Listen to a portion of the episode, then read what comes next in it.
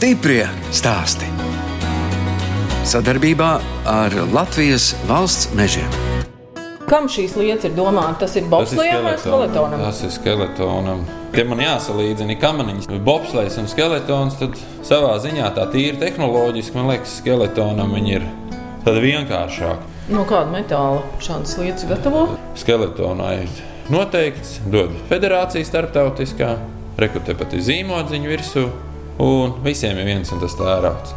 Kas tālāk viņa apstrādā, kādas rādījus lokus, tas ir katra paša ziņā. Ir kaut kāds reglaments, cik gari viņi var būt, kāds augstums jāievēro. To, ko mums pasūta Siguldas, Vopslēta rāsa, tik daudz mēs cenšamies palīdzēt viņiem. Mēs neesam tā kā Coca-Cola, ko zina visi. Mēs maziņš uzņēmums, mēs esam specifisks uzņēmums. Tā esam detaļas, specifiski cilvēku un uzņēmumus. Tā stāsta brāļi Arnis un Māris Baloži no Liepājas. Es, žurnāliste Daina Zalamane, šoreiz ciemojos nelielā uzņēmumā Metālmeistars, kurā ražo ne tikai visdažādākās metāla detaļas, bet pat skeletona un bobslējas lieces. Ģimenes uzņēmumā strādā ne tikai abi brāļi, bet arī viņu vecāki Elmārs un Rita Baloži.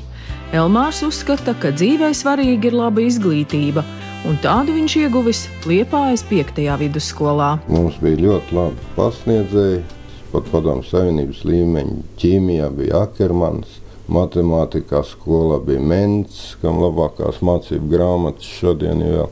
Un daudz interesantu cilvēku mācījās arī. Bija ap divi pīlēnu firmas īpašnieki. Pīlēns ir Mūrs, Oskars, arhibīskaps Vanaks, viņa mamma man bija klases audzinātāja.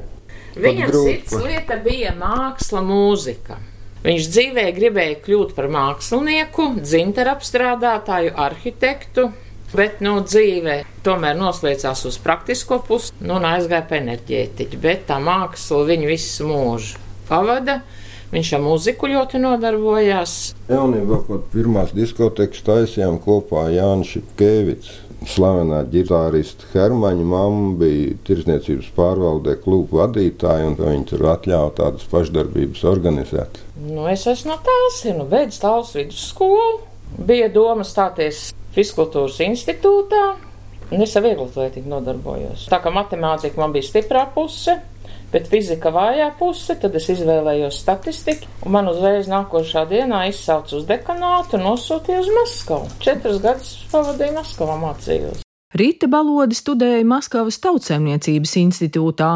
Atgriežoties Latvijā, viņu nosūtīja darbā uz bērnu ratiņu rūpnīcu Liepājā, un tur Rīta arī satika savu nākamo vīru Elmāru. Liepājas ratiņu sastādīja no padomu saimnības tirgus pār pa 10% kaut kādas 80% padomu saimnības tirgu ražoja militārā rūpniecība. Un pārējo liepāja. Nu, cik liela toreiz bija tā rūpnīca, cik darbinieki strādāja? Gan drīz tūkstotis. Šī gandrīz jau teritorijā ap 300. Rūpnīca bija izkaisīta pa visu liepāju, sākot no Līvas laukuma, beidzot tajā brīvības iela un zemnieku ielā bija, un tad jauno rūpnīcu uzbūvēja Ostmalā, kur pēc tam uztaisīja alus fabriku Tur principā visi nograuts simtprocentīgi. Un kā jūs tos savus dēlus ar liepājas ratiņos guldinājāt? Nē? Bija vācu pīķi ratiņi. Nu, redz, Pēc... nemaz nebijāt patrioti. Pa blatu varēja dabūt. Jā, jā, jā. Viņa veikalā uz letu nestāv. Liepājas ratiņi bija tādi smagāki, viņi bija nērtāki. Viņi bija izturīgāki. Pētnieki šodien ar viņiem braukā. Vizuālais nebija tas modernais, bet tā izturības kvalitāte bija laba. Matemātika padevās arī baložu vecākajam dēlam Arnim. Viņš jau četros gadiņos jau tūkstošos rēķināja. Mācēja jau saskaitīt, un viņam bija tāda laba galva. Skolā viņam dienas grāmatā vienmēr bija negatīvi ieraksti par to, ka viņš uz priekšu dara mājas darbus. Tur bija tādas speciālas burtnīcas, kas bija jāizpild, un tad vienmēr tur tāda klases audzinātāja vienmēr atkal uz priekšu dara mājas darbus. Māma jau teica, Arnis tā kā pārmantojas to patiku uz to matemātiku. Mārs jau drusku varbūt vairāk arī atgādina Tādu, kam varētu mūzika patikt, kas būtu līdzīgāks tēvam. Jā, nē, es neesmu ne dziedātājs, ne es e, mūzikas instrumentus pārvaldu. To arī ar nepaņēmu skolā, tā kā palika vien pat zelžiem mācīties. Četrus gadus pēc pamatskolas nomācījās te tehnikumā, Liepājā. Tehnikumā 90. gados tas bija baigais avangards, ekonomikas priekšmets labā līmenī pasniedz plus vēl. Tik cik mums bija iespēja 90. gados izbraukt studentu apmaiņas, mums Liepājas tehnikumā. Tur neviena Latvijas skola ne tuvu nestāv klāt. Mēs paspējām? Somija, divas Dānijas, Vācija. Četras studentu apmaiņas, un Mārim bija, tev bija divas, bet tev bija garās. Tev bija Holandē un Somija. 90. gados aizbraukt mēnesi uz Holandu, mācīties, redzēt rietumu pasauli. Tas ir. Es vēl tagad atceros, kā viņiem autobusu krāmēja augšā paiku, un tur tā kā uz fronti. Līdz bija viss ēdamais, jā, lai nebūtu. Nē, nu, 90. gados jau taču eh, Latvijas tauta tik bagāta nebija. Tur lielos makaronu maisus krāmēja augšā uz, uz Ikarus, un ko tik. Tā jau bija gaļas koncerti arī. Arī jā, šo- tur. šoņi līdzi. Tas vesels romāns. Bet tā jums bija tāda droši vien brīnišķīga pieredze. Jā, jā, Pastīties, kas protams. notiek ārpus Latvijas. Pieņemsim, es tajā laikā nemaz ārpus Baltijas valstīm nebiju bijis. Man tās studentu apmaiņas tā bija pirmā pieredze uz rietumu valstīm aizbraukt. Un jūs tur kaut ko maksājāt arī, kādu stipendiju? Bija arī stipendija, maksāja. Nu, protams, tur arī viss tās dzīvošanas bija atmaksātas. Pasaules pieredze uzreiz citādāk. Labi skolotāji bija sevišķi matemātikas skolotāji, arī bija ļoti labi. Arnis taču republikā pirmās vietas matemātikā vienmēr ņēma. Arnī, jums vispār patīk mācīties? Nu, jūs teicāt, trīs augstākās izglītības jums ir. Tā iespēja bija toreiz izmantot. Divās augstskolās vienlaicīgi dienas nodaļā mācījos. Un varēja apvienot. Izdarīju. Pirmie divi gadi bija Rīga un Liepāja, un pēc tam bija Rīgā. Jā. Vienlaikus te jūs mācījāties kādās augstskolās? RTU un LU. Un pēc tam bija LU un Rīgas ekonomikas augstskola. Seši gadi pamācījās, nu, viss. Pietiek, ja? Jā. kaut kā dzīve tā beigās tā iegrozīja to, ka jāmācās par metāliem, aizgāja uz mašīnu būs fakultāti. Piecas minūtes līdz doktoram pietrūka. Inženieru zinātnes un tās programmas vispār arī ar budžetu atbalstīts, pat tām jāmaksā arī nav par studijām. Es pēc principa tādu, nu, ja tu apstāsies, grūti būs sev saņemt un atgriezties mācīties. Ej, cik tālu var nomācīties, lietas punktu un dari sāc dzīvē kaut ko Bet citu. tomēr arī grūtas tās mācības. Jā, sākums jau īpaši matemātikas, fizikas, aprēķini, materiāla pretestība, griešanas teorijas, viss, kas attiecīgi aiziet jau mašīnu būs fakultātes tajā specifikā, metāla apstrādes tehnoloģijā. Pilnīgi kaut kas jauns, ja te mēs mācījāmies finanšu kredītu specialitāti liepā, tad tur bija pilnīgi kājām gaisā. Baložu dēli Māris un Arnis izbaudījuši arī pārmaiņu laikus Latvijas ekonomikā un kopā ar vecākiem iesaistījušies dažādos biznesos. Modē bija tā dāča un mazdārziņa kooperatīva, un tad tur varēja cīnīties brīvā dabā. Bērni bija pavisam mazi, vēl 5 un 4 gadi. Ar autobusu vajadzēja braukt 30 km no Liepājas pa grāmatā ceļu un uz Ječiem. Kad tur parēķina visas ieguldījumus, tur varbūt nemaz neatmaksājās. Tas atmaksājās tikai bērnu audzināšanā. un- Tāds mazdārziņa kooperatīvs, tas jau bija tavu vasarnīca. Ko izaudzēja, jo tā arī viņas nopirkt nevarēja, vai vēl tur deficīts visādi pārtiks produktu bija. un tad Tas Nu jā, daļējā mērā nu, vasarā uzcēlām. tur Nu, un ko te jūs ar brāli darījāt? Viņiem ir savs dārziņš. Ravējāt tur kaut ko? Brīvā dabā čūskas ganīt. Tad uh, Elmārs atguva savu vecāku īpašumu, un tad tur mēs pārcēlāmies. Tas bija Dunālkā. Gribējām atjaunot tur visu labību, sējām 30 hektāros, tad pārgājām uz kartupeļiem. Bērniem nolikām vagas galā desmit kapēji, kas lūdzu būs vaga izravāta, tad dabūs desmit kapējus. Un par to vēl tirgu varēs sēdēt un nopelnīt naudu. Tas bija pirmais bizness. Tā viņi sāk biznesu. Tad jau pavilkās, jau saprata, ko nozīmē nauda. Kā jūs tērējat to pirmo naudu? Sakrājumu par lielu naudu nopirka datoru 600 lati. Tā datoru, pirmo datoru 90 nopirka. kaut kādā 5. gadā taču bija kosmiska nauda. Audzēja kartupeļus un paši tirgoja un naudu atstāja, lai ko datoru. Mamīte tik buntītas sēja, tur priekš eh, skābēšanas, tur dillīts. Tad bija pārmaiņas. Es vēl atceros, braucām summas, ķiļeškas te ražoja, tirgoja, visu Lai Latviju apgādāja. Cilvēkiem nebija augsts, ko maksāt. Braucām uz Rīgu, tirgu, salā. Tas bija 92. gads, jā, ka 31. bija rūpnīcai jābeidz eksistēt, un tad, lai strādniekiem jāvarētu tās algas izmaksāt, tad deva kaut ko no tās produkcijas un braukt tirgot, un tad mēs visi ģimeni braucām, bērni ar ap. Un pirkt ar tās somiņas, tad Jā, riteņiem. bija vēl tie juku laiki, bija un vēl pirkt. Atbrauc trijos pa nakti mājās, un tad no visam stūriem velk tos repšikus ārā, tādu kaudzu uz galdu ar novērt. Krāmējās atkal un brauc atkal projām. Puišaļiem bija centrāla tirgu baigā pieredze. Un cik tā tāda somiņa maksāja viena? 200 nemaksāja, 200 300 rubļi. repši. Repšikos. Rūpnīca sadalījies, nezinu, kādās piecās daļās, piecos sijā. Tad nemaz godīgi nezināja, kas tas tāds sijā ir. Un tad viss tie sijā arī iznīk. Vienīgais no rateņa rūpnīcas, kas palicis, tas es esmu arī. Nu, un ar ko jūs sākāt? Ar tiem pašiem dzelžiem, kas bija palikušies. Un cik jums darbinieki bija? Ļoti maz. Starp 5 un 10. Un tomēr bija algas jāizmaksā tajos grūtajos laikos katru mēnesi. jānopelna un tā, nu, tā kā, tā kā es elektriķis, tad vēl Latvijas energo tur tādas atslēgas taisīja daudz, vēl, vēl viens kompanjons dabūja tur priekš Zviedrijas taisījām apaulāpstiņas pa kapeikam, treps, margs un Nu, dažādas dzelžas. Metāla apstrādes saimniecība jau bija 90. gados, kā visas valsts, jau bija tāda pusjukus. Stiprie stāsti.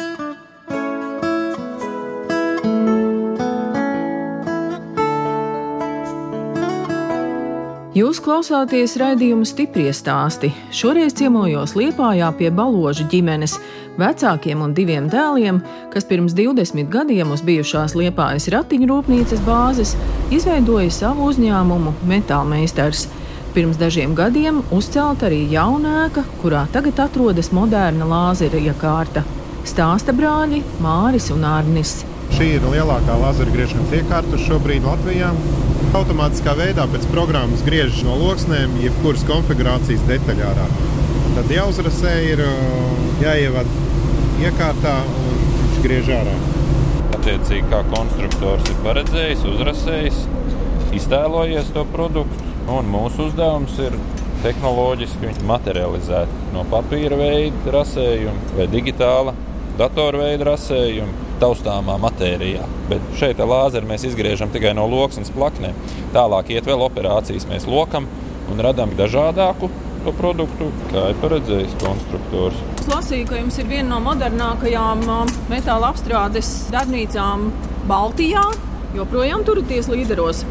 Kaut kādās jomās, jā, lāzera iekārtas ir daudz Latvijā, bet tad jāsāk skatīties arī pēc jaudām, un pēc galda lieluma, pēc veiktspējas, pēc dažādākiem parametriem. Šī ir jaudīga iekārta, 6 kW. Padomu laikos bija lielās rūpnīcas, kas gatavoja kaut kādas iekārtas. Bija naturālās saimniecības princips, kad uh, viss taisīja paši. Tad tagad uh, ir ļoti daudz specializētu uzņēmumu. Mēs specializējamies metāla detaļu izgatavošanā. Līdz ar to šāds uzņēmums, kas izgatavo kaut kādas iekārtas, fokusējās uz dizainu, uz to iekārtu servisu, uz to iekārtu komplektēšanu. To, ko nevaram izgriezt ar lāzeru, mēs varam paplašināt iespējas, dažādas kompozītu materiālus, akmeņus, stiklus, ložu necauršaujamos stiklus, eh, cietus, mīkstus. Varam izgriezt ar abrazīvās ūdensgriešanas tehnoloģiju, kur ir respektīvi ļoti augsts ūdens spiediens. Iedomājieties, jums mājās izlietnē vai dušā tek vidēji 4 atmosfēras bāri. Tad šeit tas notiek ar tūkstoš reizes lielāku spiedienu, 4000 atmosfērā. Protams, ar tīru ūdeni tas tikai nenotiek. Tam ir, protams, abrazīvais piemaisījums, smilts šajā gadījumā, kas rada smilšu papīra efektu, kā slīpēšanās operācija. Var biezumā pat līdz 200 mm izgriezt. Tāda pirmsākuma vēl tāds palicis, kas no ratiņa rūpnīcas laikiem. Tādas padomu laika iekārtas, vai ne? kurām reizēm var izdarīt ar kaut ko tādu, ko nevar uz jaunām izdarīt. Daudz efektīvāk, un lētāk, ātrāk. Tā kā noder visas iekārtas. Noder. Jā, katrai situācijai ir savs instruments vajadzīgs, tā arī iekārta. Uzņēmuma straujāka attīstība sākās pēc 2004. gada, kad Latvija iestājās NATO un Eiropas Savienībā. Izgājām uz kaut kādu risku un mēģinājām startēt tais projektos, un tad mēs pieņēmām lēmumu veikt ieguldījumus elastīgās ražošanas tehnoloģijās, ar ciparu vadību, datoru vadību, programmu vadības iekārtā. Mēs realizējām pirmo projektu un sākām lēni soli pa solim mainīt nost veco tehnoloģiju pret jaunu. Pirmo kredītu vispārībā bankā nosaukums neteikts, lai neapvainojās, vienkārši mums pasūtīja. Tad Dieva laime, ka tajā laikā vēl valsts banka, hipoteka banka mūs tomēr ar sakostiem zobiem atbalstīja. Ja viņi nebūtu mūs atbalstījuši, tad mēs tādi paši pliki un nabagi būtum kā 80% Latvijas šodien. Birojā uz galda sarindotas dažādas metāla detaļas, kas tiek ražotas Liepājā uzņēmumā Metāla meistars. Te ražo arī detaļas medicīnai. Mums ir tāda sadarbība ar vienu ķirurgu, radīt tādu jaunu implantu mugurkaulam, stiprinājumu, kas būtu tāds unikālāks salīdzinājumā pasaulē esošiem, mēģināt iet tirgū. Tas nav mūsu produkts, bet mēs vienkārši palīdzam prototipēt un to rasējumu pārvērst materiālā vērtībā. No kāda materiāla tas ir? Tur ir ierobežojumi liela medicīnā, tur jau pamatā viss ap titānu grozās. Viņš ir vieglāks. Viņš ir vieglāks un, protams, attiecīgi arī dārgāks dārgāks un galvenais, ka ķīmiski noturīgs. Medicīnai savas prasības. Nu, tas tomēr būs cilvēkam. Jā, tas ir uz mums. Tas ir jā, jā, jā. Kas šis tāds ir? Tagad tāds sikspārņas pārņas vai kā lai nosauc? Redzat, tā plašāk runājot, tā metāla detaļā, metāla komponentēm. Mēs esam tas uzņēmums, kas strādājas skatus. Tāpat kā teātrī cilvēki, kas strādājas skatus, un mēs tik redzam teātrī izrādi. Bet, lai kas to sagatavoja, daudz, daudz, daudz citu cilvēku, daudz citu palīgi instrumentu, un mēs arī esam tie, kas strādājamies skatus. Teiksim, šitā detaļa nonāk pārtiks rūpniecībā, kaut kāds malējs. Šodien roka darbi jau grūti vairs konkurēt, ja nu ir kaut kāds eko mazais uzņēmums, tad tur visam ir apakšā kaut tehnoloģijas, konvejeri, līnijas, kas sastāv no tūkstošiem dažādu nerūsējušo tērauda detaļām. Tā iedod rasējumu un jūs saražojat. Jā. Jā, mēs pat reizēm, godīgi sakot, nezinām, kur tās detaļas aiziet. Tālāk tie uzņēmumi, kas to sakomplektē un jau pārdod gala produktu, vai tā būtu Volvo mašīna vai Audi mašīna vai kādi ceļām krāni, kas būvniecībā strādā. O, jā, tie jau uzreiz atpazīstam produktu. Bet mēs attiecīgi piegādājam viņiem šīs komplektējošās detaļas, no kā tālāk rodas jau gala produktu. Arni, kam jūs to visu pārdodat? Jūs tā kā esat pārdošanas vadītājs. Gala rezultātā jau lielākā daļa aiziet uz ārzemēm. Tiešais vai netiešais eksports ir kopā ap 90% iet prom. Latvijā no tā, ko mēs saražojam, labi, ja 10% paliek. Vēja ģeneratoros iet dažādās mašīnu būs iekārtās, konvejeros, iet meža tehnikā, pārtiks rūpniecībā, kaut kas arī celtniecībā iet, tagad arī medicīnai kaut kas. Bet tās valstis, kur jūs eksportējat, tā ir Eiropa? Pārsvarā jā, bet gala rezultātā viņas pieņemsim aiziet uz visiem kontinentiem. Ir detaļas noteiktam klientiem, pieņemsim, kur liela daļa aiziet uz Ameriku caur Skandināviju. Lasīju grāmatā par skeletonistiem dukuriem, ka Par viņu veiksmes stāstu lieču jomā kļuva Liepājā strādājošais uzņēmums Metālmeistars. Esat lasījuši pašu to grāmatu? Jā, jā, jā, jā Reku, Mārs tajā ziņā tur viss viņa rokās. Tas, ka jūs taisat slieces, kā viņi jūs atrada? Internets jau palika populārāks. Sākumā mēs ar Rubēnu tikāmies, kamaniņu braucēju. Tas bija pirmais sarunas pa viņu slidām, bet uh, tur kaut kā mēs vēl nebijām tehnoloģiski nobrieduši. Tik sarežģīti produkti, bet nu, gadi gāja, mēs arī gājām uz priekšu. Tad kaut kā sanāca, ka Dainis uzrunāja mūs no Siguldas. Jāpalīdz, nu skatāmies, ja tehniski to varam atrisināt, nu, tad palīdzam. Gads pa gadam gāja, gāja tā sadarbība. Nu, viņiem arī bija problēmas ar Šveici, ka tur it kā noplūst tā informācija par tām slidām un tā tālāk. Tā tā sadarbība vēl šodien. Notiekās. Kā jūs tagad paši esat arī skeletonu bobsleja fani? Jā, nu, sekojam līdzi, jā, protams. Pateikt sekundēs, kurš kā cik ātri brauc, kāpēc, kādas virāžas, tik detalizēti mēs nepārzinām to jomu. Bet joprojām tā sadarbība turpinās, un jūs arī. jā, Un ne tikai ar slīdām, bet visām pārējām detaļām, kas ir kamanās. Tādā mēs esam iesaistījušies tādā kopīgā projektā ar mašīnu būs kompetences centra atbalstu izstrādāt modulāras skeletonu kamanas, lai būtnīs būtu pielāgojams dažādu sportistu eh, fiziskiem ķermeņa izmēriem, svariem. Nu, tādā tautas valodā sakot, tā kā LEGO, lai varētu skrūvēt priekš dažādākiem fiziskiem Nu, katram parametriem. cilvēkam vajag savas Eh, komandas. Atnāk tievāks, garāks, resnāks cilvēks, jaunais sportists, tad tur metins, līpē, pielāgo, maina. Jāmēģina atrisināt to tā, lai šis viegli regulējams. Nevis katram būvēt pilnīgi unikālu kaut ko. Protams, ka sportists aiziet jau profesionālā, augstā līmenī. Tur, protams, tu jau jāpieslīpē ļoti individuāli. Bet tā iesācējiem, kas grib vispār saprast, vai viņi grib tajā sporta veidā startēt, nu, tās modulārās tam man ļoti palīdzētu. Jums pašiem, kā ražotājiem, interesē tādi izaicinājumi. Nu, droši vien, ka finansiāli izdevīgāk būtu štancēt vienu un to pašu detaļu tūkstošiem, miljoniem. Ne visur ir vajadzīgs tas ekonomiskais aprēķins apakšā. Reizēm dzīvē kaut ko jāpadara savādāk, kas, kā jūs minējāt, ir interesantāk, padara krāsaināk to pasauli. Liels paldies Dukuru ģimenei, jā, ka viņi mums uzticējās un sāka sadarbību ar mums. Mēs arī no sirds un dvēseles centāmies viņu tās idejas izpildīt dzīvē. Tik iznāk jau astoņi gadi centīgi sadarbojamies. un Paldies viņai tai lielai popularitātei un atpazīstamībai. Mēs arī esam palikuši atpazīstami Latvijā. Mēs te gājām pa tiem cehiem, un tā tāda nejaušība, ka tajos jaunajos cehos tomēr strādā tādi gados jaunāki puiši, un tā kā mēs aizgājām uz tiem vecākiem cehiem, tur tādi pieredzējušāki vīri.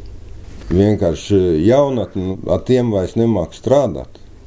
Ar tiem veciem kloķiem. Nu, jā, un vecie nemāk ar tiem jauniem strādāt. Tāpēc jāatrod tas zelta vidusceļš, jo vajadzīgi ir tie vecie un ir tie jaunie. Es skatījos jūsu mājaslapā, ka tur arī bija tā vakance, ka jūs meklējat darbiniekus. Jums tās vakances ir visu laiku atvērtas. Jā, tādi cilvēki, kas entuziasmi pilni, gribētu attīstīties un kaut ko dzīvē iemācīties, nav jau tik daudz. Bet tie jaunie, kuriem tad ir jāstrādā jau ar datortehnoloģijām un tā tālāk, tur pietiek ar tādu tehniku izglītību, vai jums jau vajag augstskolu beigušus cilvēkus? Vajag, lai skolā iemācītu pamatzināšanas, geometriju, matemātiku, fiziku, ja kaut ko no metāliem. Kaut kādas instrumentus, metāla apstrādes pamats pietiek. Konkrētas vadības sistēmas, to mēs varam iemācīt tev uz vietas. Iemācīt cilvēkam galvenais - rēķināt, saprast, būt loģiski domāt. Rasēt. Un būt atbildīgam par to, ko dara. Stiprie stāsti.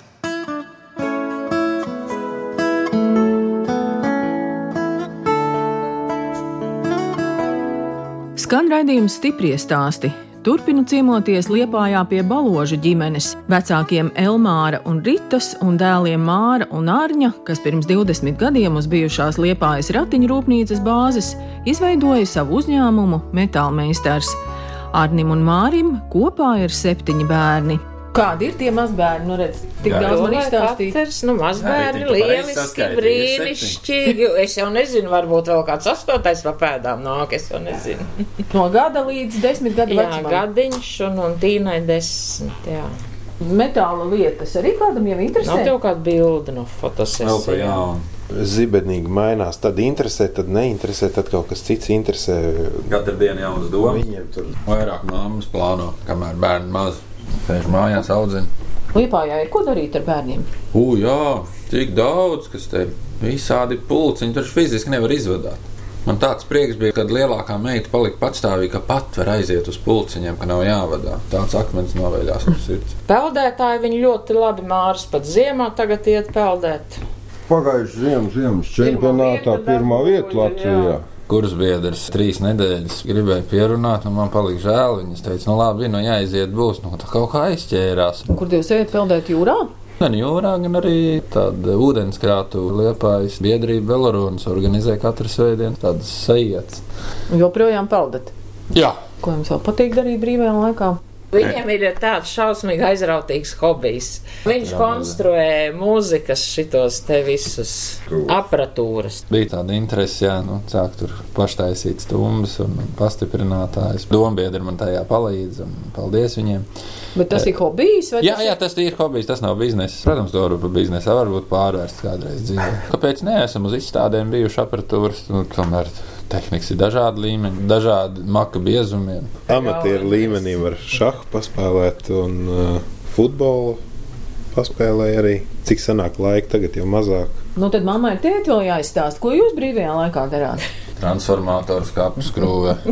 To tikai brīvā laikā var darīt. Brīvā laikā ejam pie darba. Labāk jau būtu neko nedarīt, bet jādara, nekas cits neatliek. Un kur tad tas transformators kapis mājās vai šeit? Cekā. Jā, nu, kas Visu tad? elektrību, viss, kas ir šeit darbā, viņš viens pats. Kā elektriķis pēc profesijas. Elektriķis, Nu, Viņš viens Samaksā valdes locekļu algu, un viņš arī visu citu Jā, padarīja. jā, nu viņš dara citu. Ja mums būtu jāpieņem viņa vietā kāds Elektriķis dārgi tas maksātu. pirmām kārtām tik kvalitatīvi neuztaisītu. Var sakot, mēs šeit darbā visu, ko vajag, mēs visi paši darām. Ģimenes locekļi nāk palīdzēt, un tāpat arī vecvecāki, kā bija dzīve, nāca palīdzēt. Jaunajā cehā viss elektrība, jā. Tēvs savilcis. savilcis. Jāizdomāja pašiem. Neviens projektēšanas birojs tev neko neizdomās.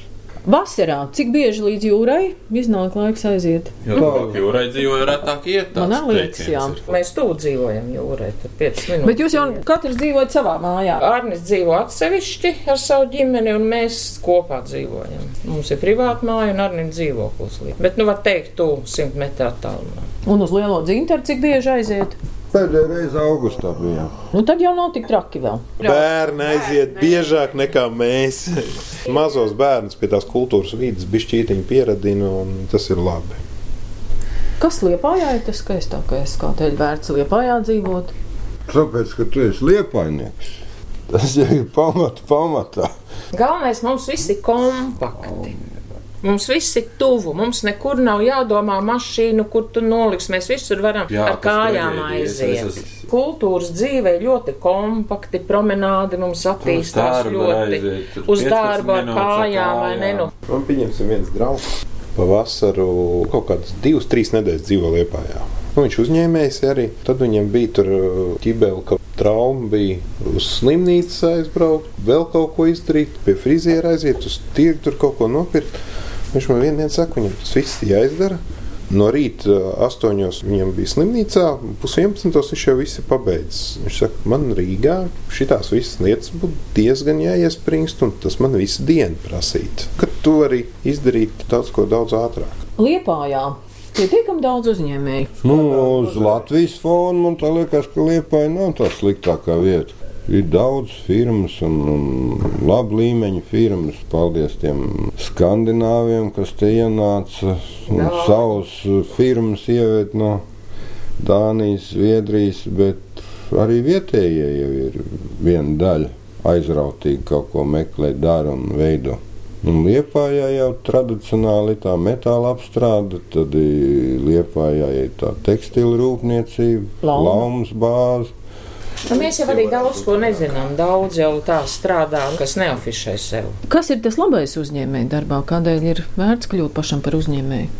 Pats galvenais ir, lai skolā sāktu mācīt atbildības sajūtu. Uzņēmējs bez atbildības sajūtas nekad nebūs.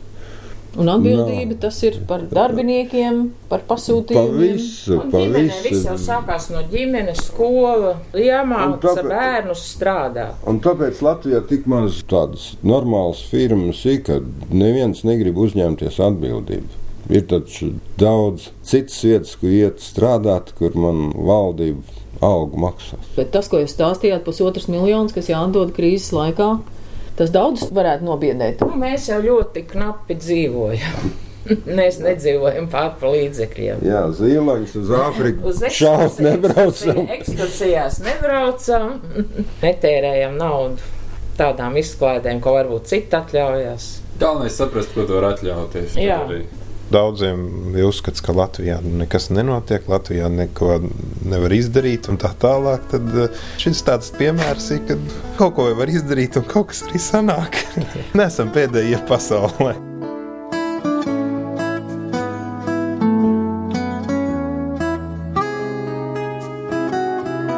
Radījums stipri stāsti izskan, un es atvados no baložu ģimenes, tēva Elmāra un māmas Ritas, kā arī viņu dēliem Māra un Arņa, kas pirms 20 gadiem Liepājā izveidoja uzņēmumu Metālmeistars.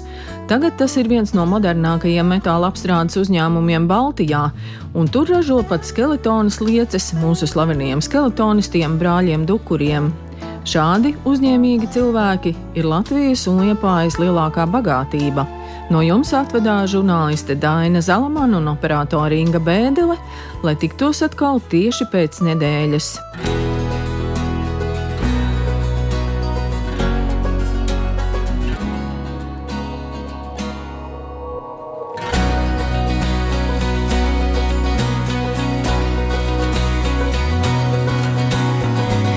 Stiprie stāsti sadarbībā ar Latvijas valsts mežiem.